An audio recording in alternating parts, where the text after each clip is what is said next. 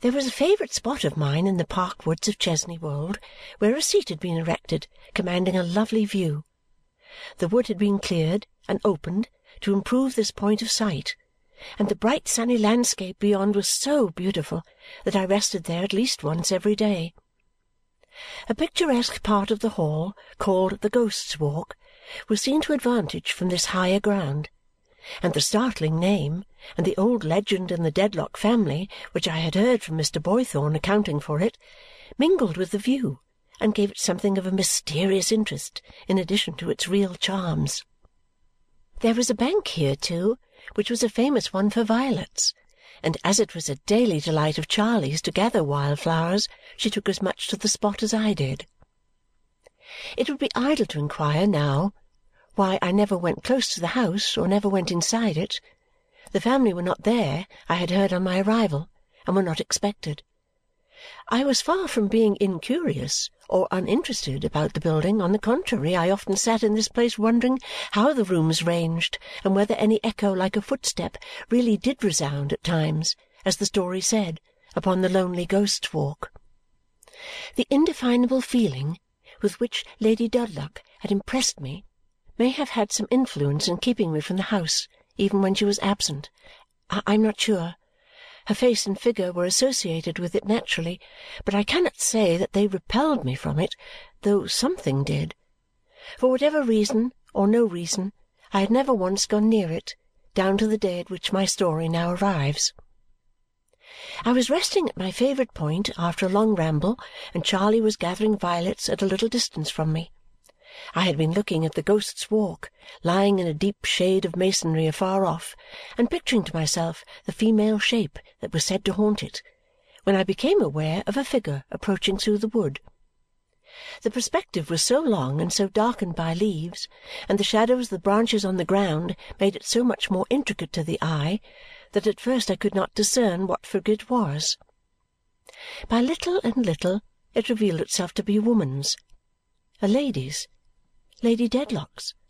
She was alone, and coming to where I sat with a much quicker step, I observed to my surprise, than was usual with her. I was fluttered by her being unexpectedly so near. She was almost within speaking distance before I knew her, and would have risen to continue my walk. But I could not. I was rendered motionless not so much by her hurried gesture of entreaty, not so much by her quick advance and outstretched hands, not so much by the great change in her manner and the absence of her haughty self-restraint, as by a something in her face that I had pined for and dreamed of when I was a little child, something I had never seen in any face, something I had never seen in hers before. Her dread and faintness fell upon me and I called to Charley. Lady Dedlock stopped upon the instant and changed back almost to what I had known her. "Miss Summerson, I am afraid I have startled you," she said, now advancing slowly. "You can scarcely be strong yet.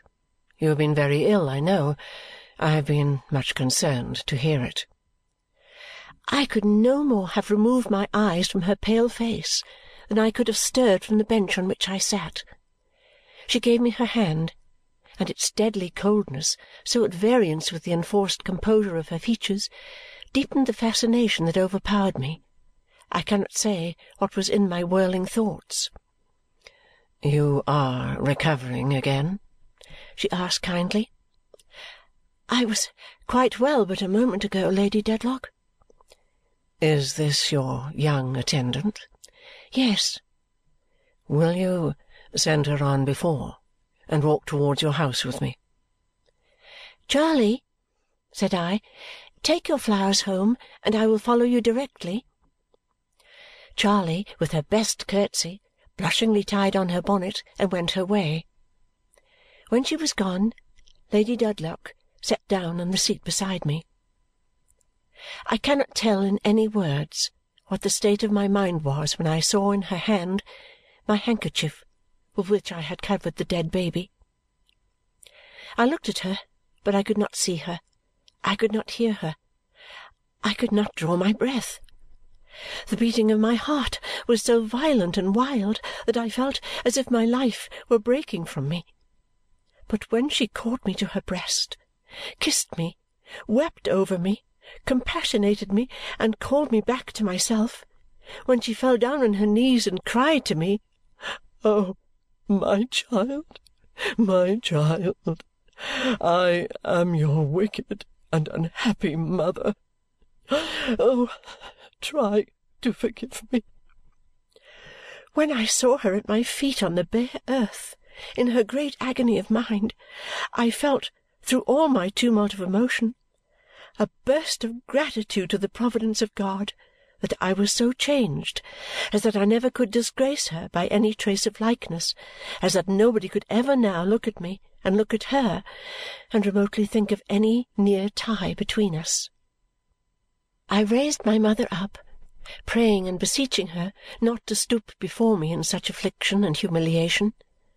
I did so in broken incoherent words, for besides the trouble I was in, it frightened me to see her at my feet. I told her, or I tried to tell her, that if it were for me, her child, under any circumstances, to take upon me to forgive her, I did it, and had done it many, many years ago. I told her that my heart overflowed with love for her, that it was natural love, which nothing in the past had changed or could change, that it was not for me, then resting for the first time on my mother's bosom, to take her to account for having given me life, but that my duty was to bless her and receive her, though the whole world turned from her, and that I only asked her leave to do it. I held my mother in my embrace, and she held me in hers, and among the still woods, in the silence of the summer day, there seemed to be nothing but our two troubled minds that was not at peace to bless and receive me, groaned my mother. It is far too late. I must travel my dark road alone, and it will lead me where it will. From day to day, sometimes from hour to hour, I do not see the way before my guilty feet. This is the earthly punishment I have brought upon myself. I bear it, and I hide it. Even in the thinking of her endurance, she drew her habitual air of proud indifference about her like a veil, though she soon cast it off again. I must keep this secret, if by any means it can be kept, not wholly for myself, I have a husband. Wretched and dishonouring creature that I am!" These words she uttered with a suppressed cry of despair, more terrible in its sound than any shriek. Covering her face with her hands, she shrank down in my embrace as if she were unwilling that I should touch her. Nor could I, by my utmost persuasions or by any endearments I could use, prevail upon her to rise. She said, no, no, no, she could only speak to me so. She must be proud and disdainful everywhere else. She would be humbled and ashamed there in the only natural moments of her life. My unhappy mother told me that in my illness she had been nearly frantic. She had but then known that her child was living she could not have suspected me to be that child before. She had followed me down here to speak to me but once in all her life. We never could associate, never could communicate, never, probably from that time forth, could interchange another word on earth. She put into my hands a letter she had written for my reading only, and said when I had read it and destroyed it, but not so much for her sake since she asked nothing, as for her husband's and my own, I must evermore consider her as dead. If I could believe that she loved me in this agony in which I saw her, with a mother's love, she asked me to do that, for then I might think of her with a greater pity, imagining what she suffered. she had put herself beyond all hope and beyond all help. Whether she preserved her secret until death or it came to be discovered, and she brought dishonour and disgrace upon the name she had taken, it was her solitary struggle always, and no affection could come near her, and no human creature could render her any aid. "But is the secret safe so far?" I asked. "Is it safe now, dearest mother?" "No," replied my mother. "It has been very near discovery. It was saved by an accident. It may be lost by another accident. To morrow. Any day." "Do you dread a particular person?" "Sh! Do not tremble and cry so much for me. I am not worthy of these tears," said my mother, kissing my hands. "I dread one person very much." "An enemy?" "Not a friend. One who is too passionless to be either. He is Sir Leicester Dedlock's lawyer, mechanically faithful without attachment and very jealous of the profit, privilege, and reputation of being master of the mysteries of great houses." "Has he any suspicions?" "Many."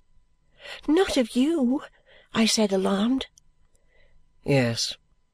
He is always vigilant and always near me. I may keep him at a standstill, but I can never shake him off. Has he so little pity or compunction?" "He has none, and no anger. He is indifferent to everything but his calling. His calling is the acquisition of secrets and the holding possession of such power as they give him, with no sharer or opponent in it." "Could you trust in him?" "I shall never try. The dark road I have trodden for so many years will end where it will. I follow it alone to the end, whatever the end be. It may be near, it may be distant. While the road lasts, nothing turns me." "Dear mother, are you so resolved?" "I am resolved. I have long outbidden folly with folly, pride with pride scorn with scorn, insolence with insolence, and have outlived many vanities with many more. I will outlive this danger and outdie it if I can. It has closed around me almost as awfully as if these woods of Chesney Wold had closed around the house. But my course through it is the same. I have but one. I can have but one. "Mr. Jarndyce," I was beginning when my mother hurriedly inquired, "Does he suspect?" "No," said I. "No, indeed. Be assured that he does not." And I told her what he had related to me as his knowledge of my story.